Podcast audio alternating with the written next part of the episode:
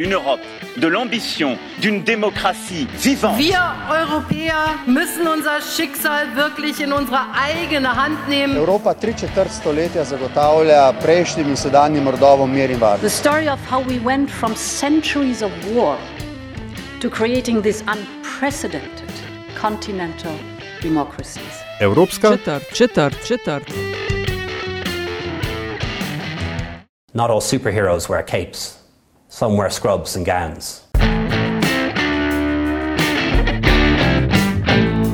Spoštovane in cenjeni, dobrodošli v podkastu Evropska četrt, podkastu o vsem, kar vas bo zanimalo o Evropski uniji, pa niste vedeli, koga vprašati. Evropsko četrt vodiva Aljaš Pengal Bitenc In Nataša Briški. Podcast domuje na spletni postaji metinalista.com, v vašem nabiralniku pa sveža epizoda, takoj, ko je na voljo. Tokrat bova z Natašo pogledala v zakulisje projekta, ki se imenuje EU vs. Disinfo, v prevodu Evropska unija proti dezinformacijam, lažem in manipulacijam. Gre za platformo, ki jo je vzpostavila EU, na njej pa zadnjih pet let spremljajo poročanja medijev, analizirajo podatke in preverjajo dejstva. Zaradi epidemije novega koronavirusa domala po vsem svetu vladajo posebni ukrepi, s katerimi skušajo države zaeziti krizo, ki pa ni samo zdravstvene narave, ampak je vedno bolj opoziti tudi vse pogostejše širjenje raznih teorij zarot in dezinformacij v povezavi z boleznijo COVID-19. Informacijsko okolje postaja vse bolj onesnaženo, kako se ločevanja zrnja od plev loteva ekipa, ki deluje pod okriljem projekta EU vs. Disinfo, pa v nadaljevanju več pove Peter Stano, govorec Evropske komisije, zadolžen za zunanje zadeve. My position is uh, spokesperson of the European Commission responsible for external affairs. That means I speak on behalf of the High Representative Josep Borrell and EU's foreign policy, which includes also the topic of disinformation. Uh, are you in Brussels these days? Yeah, yeah, we are based in Brussels. The spokespeople of the Commission and of the EAS are based in Brussels, working in Brussels, and right now teleworking from Brussels. Uh-huh. So I was wondering, how does your life look like uh, working in Brussels these days? Well, actually, I mean, we alternate. So I go to the office every week.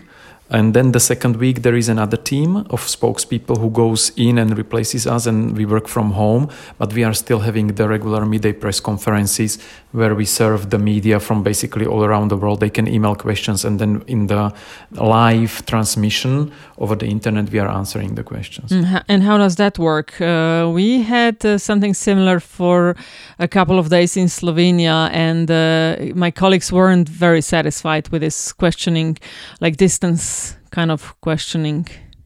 Here it works perfectly. I mean, the media, because it's mostly journalists accredited to the EU in Brussels, so they really appreciate this contact. We we had the midday press briefing room opened until Friday last week. So basically, only on Friday we were forced to close down. Close it down. But I mean, until Thursday, people were coming in in small numbers. But then more, more and more people were sending questions, and it works just just very well. And the, the feedback from media is very positive. Okay, so I uh, am calling you, uh, it's for the podcast European Quarter, um, to find out more about uh, one of the projects of the, the European Commission, and that is the EU versus Disinfo project. Uh, could you describe uh, what the project is about for those who have no clue what this is?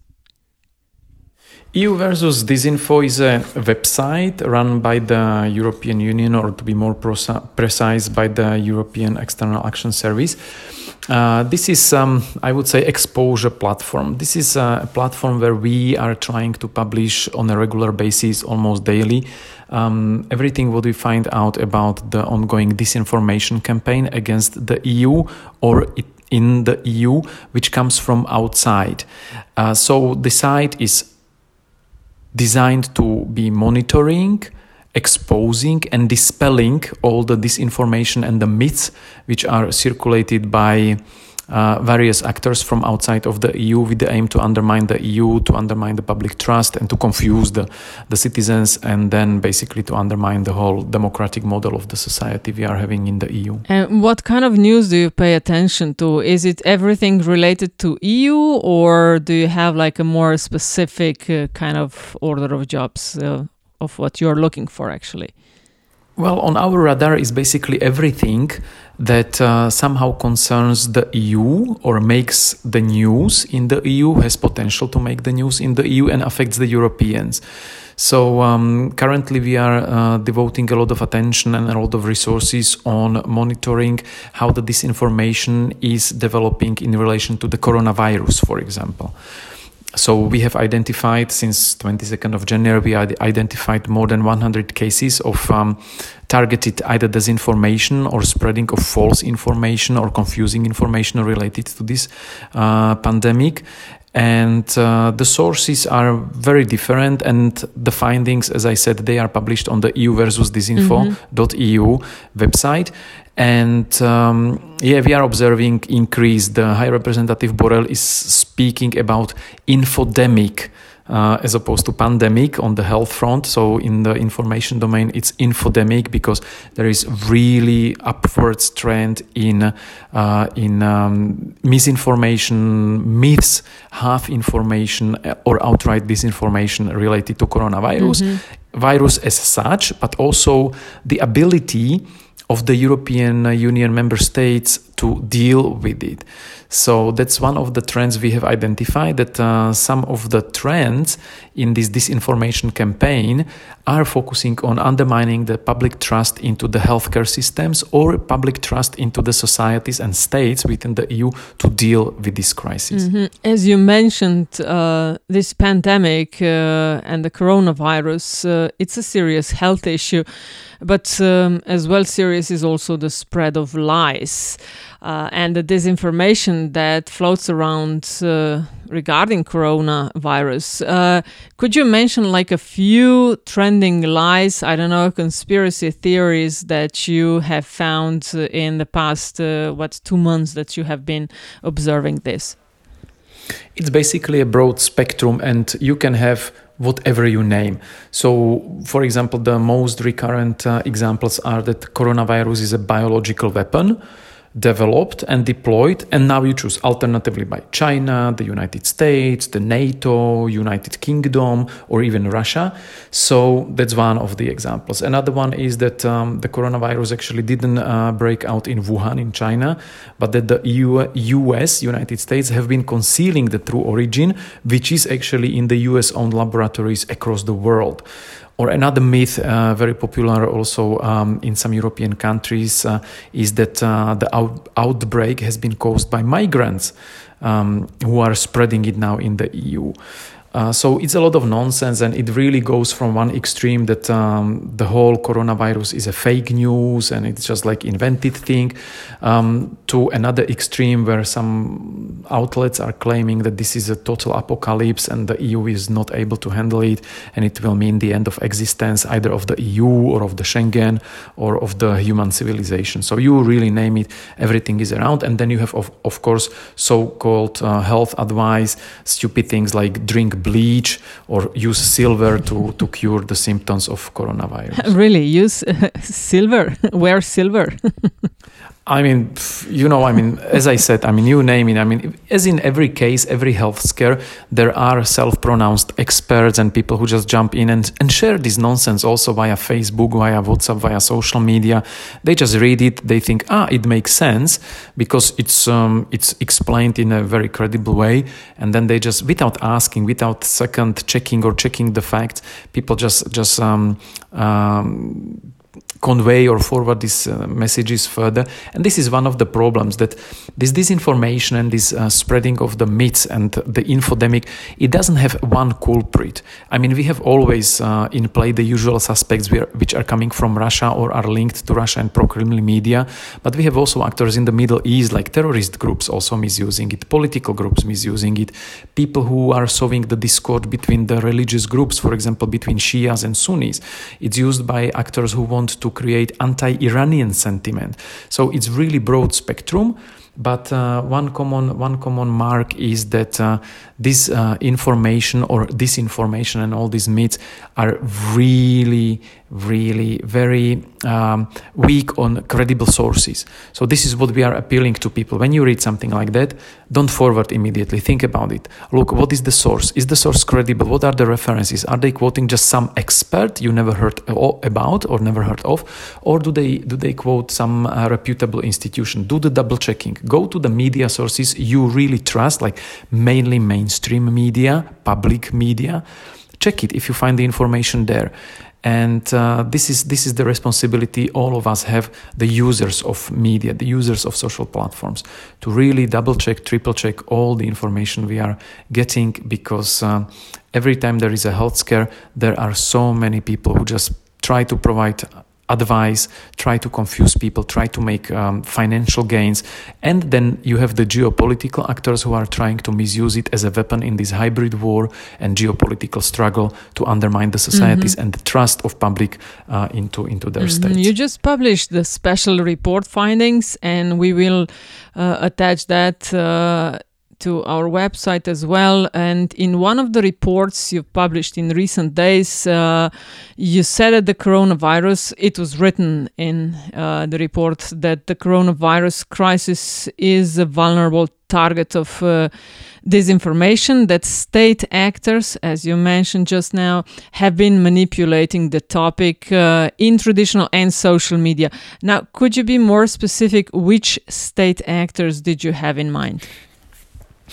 Well, what we published is a snapshot overview of the trends we we noticed, we observed, and we managed to um, expose at this stage. But there are more and more cases every day. We are not pointing the fingers, saying um, who exactly is behind this, but you see all the all the usual suspects basically. When we speak about the eastern neighborhood, of course, the coronavirus is very attractive topic for the media in uh, in Russia, mostly in the pro-Kremlin media, pro-Kremlin outlets, including state-owned outlets, where they don't have necessarily to produce this information. They just flood the media space and the public space with all the different hypotheses, conspiration theories, information, forwarding, taken from other sources, just flooding the space to create the confusion and to undermine undermine people's trust. And for example, in case of Russia, we see like twofold action. One is designed for the domestic audiences, which takes place in the media, basically government-controlled media, and it's focused on the Russians, enforcing the myth that this is actually some kind of foreign aggression uh, against Russia, so they need to protect themselves against this foreign aggression. And then, what the propaganda instruments of this pro-Kremlin outlets, which are either based or linked to Russia, are doing is using different language variations English, Italian, Spanish, Arabic to spread all the different theories. Again create confusion and this is aimed at the european public or public abroad basically to to create the chaos to create the uncertainty and to weaken the states through this. And so yeah, go ahead. Mm-hmm, go ahead. Uh, I just wanted to ask um, I believe that the European Commission set up a platform, and correct me if I'm wrong, the rapid alert system, something like that on disinformation. Is that correct? Yes, this is the part of um, the work the European External Action Service is actually doing. Um, if you are interested in the processes, it was in June 2018 when the European Council, that means the highest level of uh, EU member states, decided that we need to deal with the hybrid threats, including disinformation. So they tasked the EAS and the Commission to prepare so-called action plan against disinformation. And this action plan basically links up the efforts to tackle disinformation at the level of various EU institutions, member states, and civil societies. Uh, so that we all work in a coordinated uh, manner because we are fighting the same enemy. So we can pool our resources, pool our knowledge, our know how. So in March 2019, we created or established the Rapid Alert System, which is owned and managed by the um, EAS, the External Action uh, Service. And uh, through this um, Rapid Alert System, we are uh, interacting with member states, but also with the industry and with social media platforms, raising awareness. And um, so, what when you come along to uh, certain disinformation, you send it uh, to this system that then alerts the member states uh, via uh, chosen channels. For example, I mean, apart from from the public work, so basically regularly publishing all the all the discoveries and exposures we are making. We are of course conveying the information and our finding also to the member states and to partner institutions, and whoever has uh, something on it can chip in, or then we just exchange and, and see like how to proceed and what could be and done. And you are satisfied? order to deal with You are satisfied with how it works for now? Well, Do you so have far any we response? Yeah. so far we haven't heard any complaints so i think uh, the member states are happy and are grateful Mm. because everyone knows that within the eu everyone knows that this is not a battle you cannot you can find yourself individually because um, the propaganda has the advantage and the disinformation campaigns have the advantage that they are always one step ahead and they don't need to stick to the rules we in the eu we are based on rules and we respect the rules. So it's always it's like with the crime you know the criminals they are always ahead of the of the law enforcement agencies with the means they are using and the ways in which they operate because they simply can bend and break and disrespect the rules. So the more we pool our resources and our efforts the better and the more efficient we can be in uh, uh, countering the myths and at the same time educating our societies to be aware about these disinformation campaigns going on, where they are, where they are taking place, and how people can actually fight themselves against it. And that's through the media literacy and responsible use of information sources. And talking about disinformation, um, just your observation, is it more spreading and the work that the EU versus Disinfo does? Uh, is it more spreading via social network or traditional channels, or is it like the same for both? Depends. It's all front. It's all mm-hmm. fronts. I mean, social media have the advantage uh, for all those who are using that you can reach directly people. So you don't have the filter uh, as if you have when you go through standard media. In standard media, you still have responsible journalists who are checking the editorial policies which prevent uh, disinformation or misinformation to to reach the, the the final product of this media, be it a newspaper or TV station, unless your TV station and your newspaper is really focused on on um, disinformation, like the Russian outlets, be it RT, Russia Today, or Sigodnia, or um, or um, Sputnik agency, and all the others. But social media, of course, are the most dangerous and the most uh, uncontrollable uh, way of. Um, dispelling or the transferring and forwarding and, and disseminating the And disinformation. who, who does the digging within EU versus Disinfo? Is it the EAS team, or you have it outsourced to, to uh, journalists, or how does it work? We have a special dedicated team in uh, the EAS in the Department of Strategic Communication, which deals specifically with uh, this issue. It contains people with journalistic, of course, background, people with language skills, people who are experienced in uh, the business of uh, information and media, and uh, that, needless to say, it's composed of, of people from the member states of the EU. hmm And just on the day that we are recording this uh, podcast, uh, I read the news about hackers attacking uh, the WHO, World Health Org- Organization platform. So I was wondering um, has your site been targeted by hackers?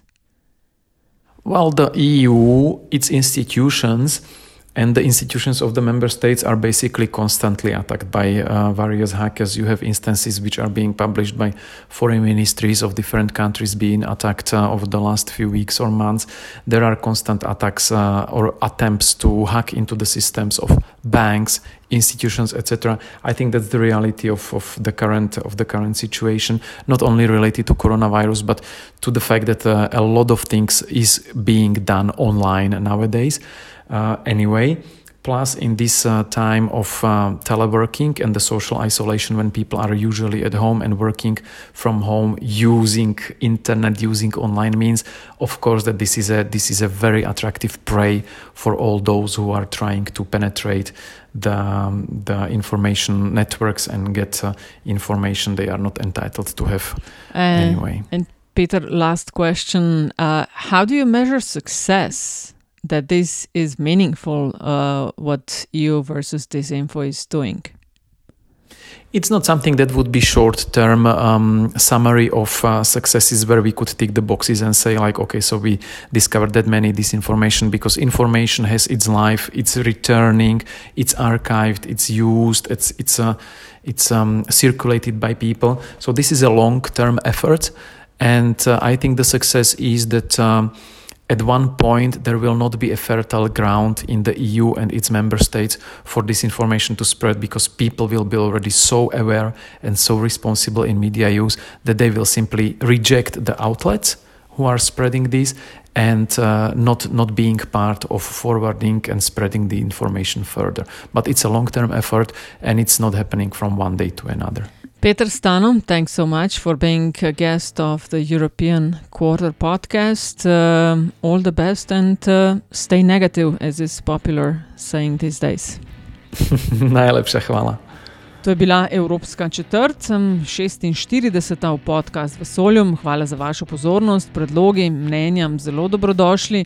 Hvala tudi za pohvale in kritike, ki jih delite z nama, in res hvala tudi za investicije, ki jih namenjate razvoju in produkciji naših vsebin. Avtor glasbene podlage je Peli iz Afna Hišem Band. Če vam je vsebina všeč, bo pomagalo, da nas najde še kdo, če naj jo ocenite pri vašem izbranem podcast ponudniku. Sicer pa hvala za vašo družbo, upoštevajte socialno distanco, navodila za morebitno samoizolacijo ter ne pozabite si umivati rok.